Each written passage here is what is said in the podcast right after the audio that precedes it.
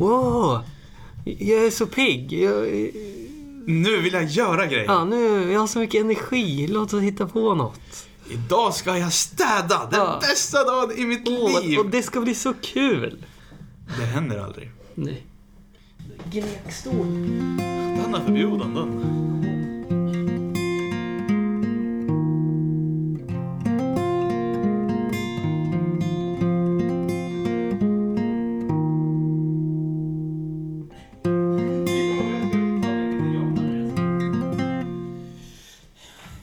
Jag är alltid på gränsen till förfall.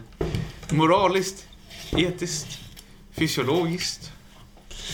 Dekadensen. Dekadensen, den ligger så nära mig. En mästare i dekadens. Det är jag, Det är du det. Niklas Forsgren. Det är inte så lite det.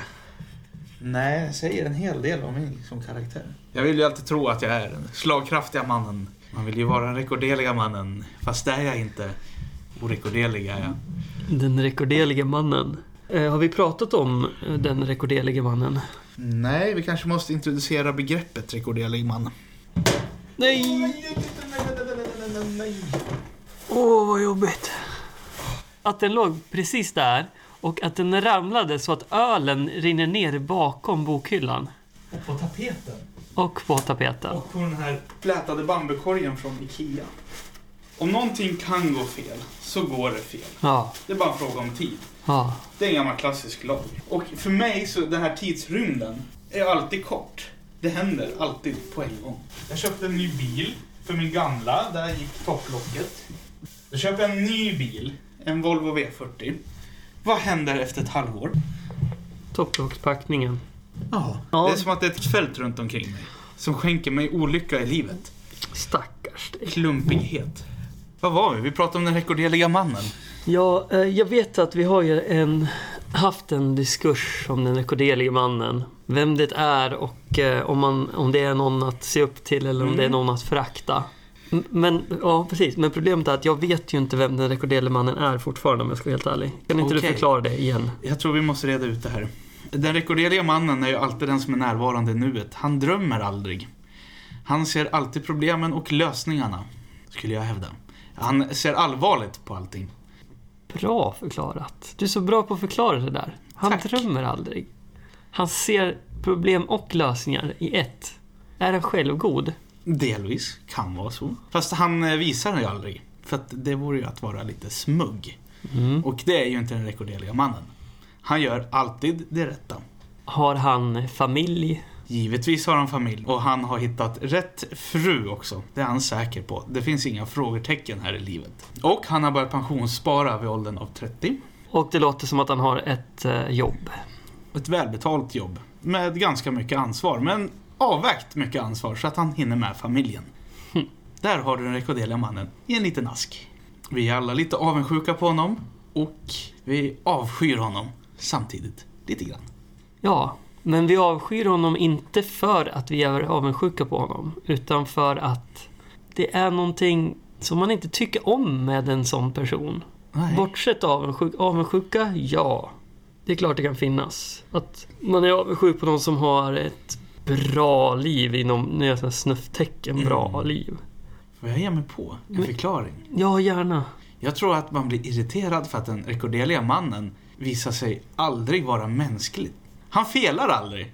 Och när han felar så gör han det ändå med elegans. Han eh, rådmodigt säger det här kan jag inte. Det här förstår jag inte. Och han kommer undan med det. Han känner inga skamkänslor. Han känner ingenting överhuvudtaget. Han är känslokall. Jag, tror, jag tycker inte om den rekorderlige mannen. Eh, för att den rekorderlige mannen är, som du säger, en person som inte gör fel och han tror inte att han kan göra fel. Han är självgod och naiv, det är därför jag inte tycker om det. Jag vill inte vara den, den rekorderlige mannen själv. Mm. Jag kan tänka mig att vara lite rekorderlig. På dagen. Lite som Stålmannen. Och på Men- kvällen så vill jag vara lite Klent... Kent... Kent... Vad heter han? Klent... Klent... Kent... Kent... Kent... Clark. Clark Kent. Clark Kent! Där har vi han. Men den rekorderlige mannen, är det liksom ekvivalent med den normale vite mannen? Nej, det är ju inte det. För det är liksom en nischiansk människa. Han är lite übermenschen. Han bemästrar sig själv konstant. Hela tiden avvägda val. Medvetna avvägda val. Men på dig låter det som att eh, det verkligen är eftersträvansvärt att vara den rekorderlige mannen. Det beror lite på. För antingen kan man gå upp i den rekorderliga mannen totalt, hänge sig och försöka vara den här nästan übermenschen. Men hur många procent av Sveriges befolkning tror du är en rekorderlig man? Jag tror det är ungefär 4,2 procent. 4,2 procent. Ah, vi säger 5 då för sakens 5 skull. procent. Det är alltså inte många som kommer upp i den liksom, standarden på något sätt. Nej, men då är det den här übermenschen rekorderliga mannen jag pratar om. Mm. Sen har vi de som så gärna försöker. Just det. Det kanske är de som är störande. Ja, Den, rekordel, den, den, fej, den som fejkar att de är rekorderliga som inte är det. mm. de saknar förmågan riktigt. Och självinsikten. Jag börjar känna att jag kvalificerar själv in riktigt. Ja, nu börjar vi bli... Nu- nu jag börjar vi- känna det också. Ja. Att jag, ibland så försöker jag vara rekorderlig man fast jag inte är det. Men det där äh, har att göra med att många har ju dålig självkänsla och lägger på en fasad av rekorderlighet. Mm. Det här att man inte vill visa sig sårbar. Rekorderlig man är ju aldrig sårbar per definition. Nej. Han kan avvärja varje situation. Mm. Vad kan den rekorderlige mannen om eh, mode? Han kan eh, precis sådär lagom mycket. Så att han vet att han inte klär sig fel. Men inte tillräckligt mycket så att han kan säga att han är ett modelejon. Eller ingen kan anklaga honom för att gå modeindustrins vägnar. Är den rekorderlige mannen nödvändigtvis utbildad? Självlärd. Åtminstone. Men eh, i min värld så är han även bevandrad i de praktiska yrkena. Mm. För han läser på. Och han vet hur man smackar upp en vägg. Han vet hur man sätter reglar. Han vet hur man lägger om taket. Han vet hur man gjuter en grund. Han vet hur man meckar med bilen. Kan den rekorderlige mannen laga mat? Ja, Att han gärna tar stekpannan och, stekspaden hemma i köket. han vill ju showa off. Han vill få beröm för sin matlagning. Det tror jag. I synnerhet grillningen. Extremt bra på just grillning. Och andra typer, till exempel mala hamburgare. Jag ser framför mig hur han går igång här med pepparkvarnen. Det är hans favoritverktyg. Att få höra ljudet av malen, färsk malen peppar. Mm. Det går han igång på. Och så, som du säger, projektledaransvaret på middagen. Han delegerar ut uppgifter till familjen. Och de tycker så mycket om honom och älskar honom så mycket. Så att de följer hans visdomsord utan att ifrågasätta honom sådär grovt, bara lagomt. Hel yllemysigt. Rått, det är så naket. Jo, det är ju perfekt det. Det var bra. Vi pausar. Vi pausar.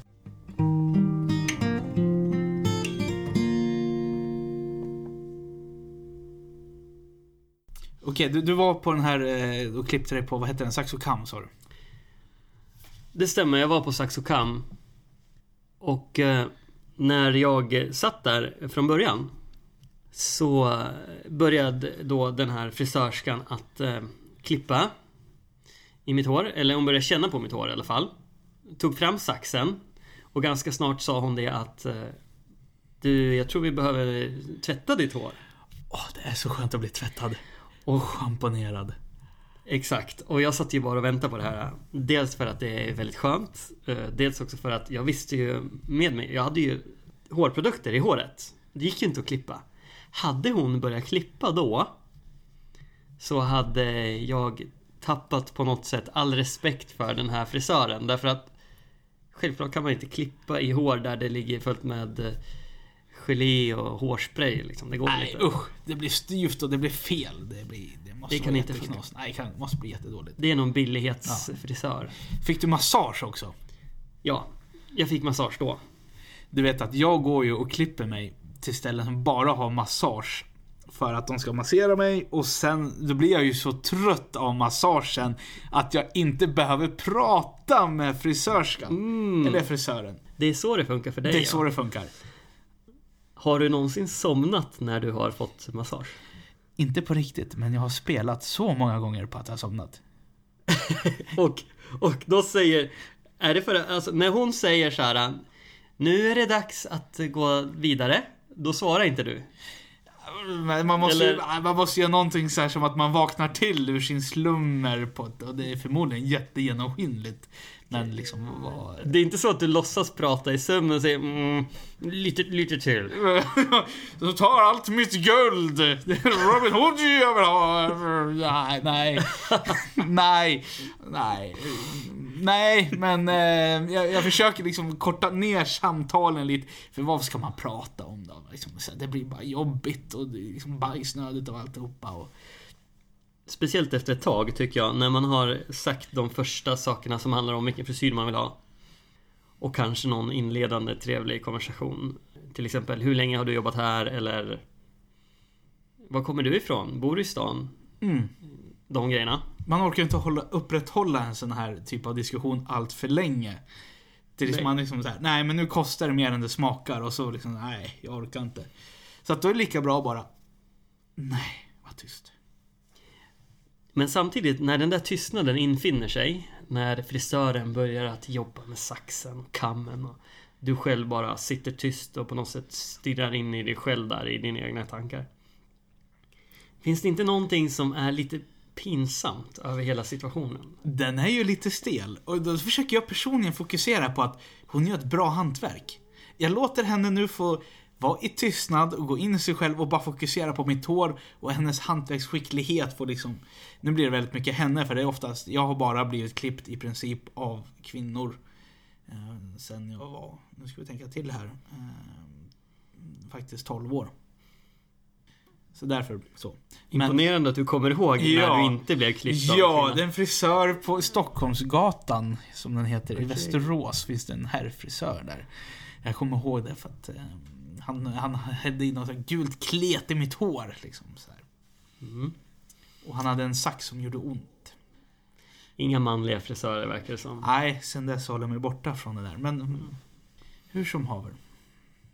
Jag tappar bort mig nu. Vad Jag glömde också bort vad vi pratade om. Vart hittar vi tillbaks? Vad pratar vi om? Eh, eh, vad fan var det? Jo, men man ska låta... Hantverksskickligheten måste få lysa igenom.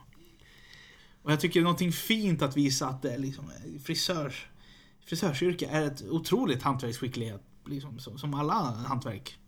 Och dessutom, desto mer tid du ger henne att utöva sitt yrke utan att störa henne med konstiga samtal och frågor så kommer hon att göra ett bättre jobb.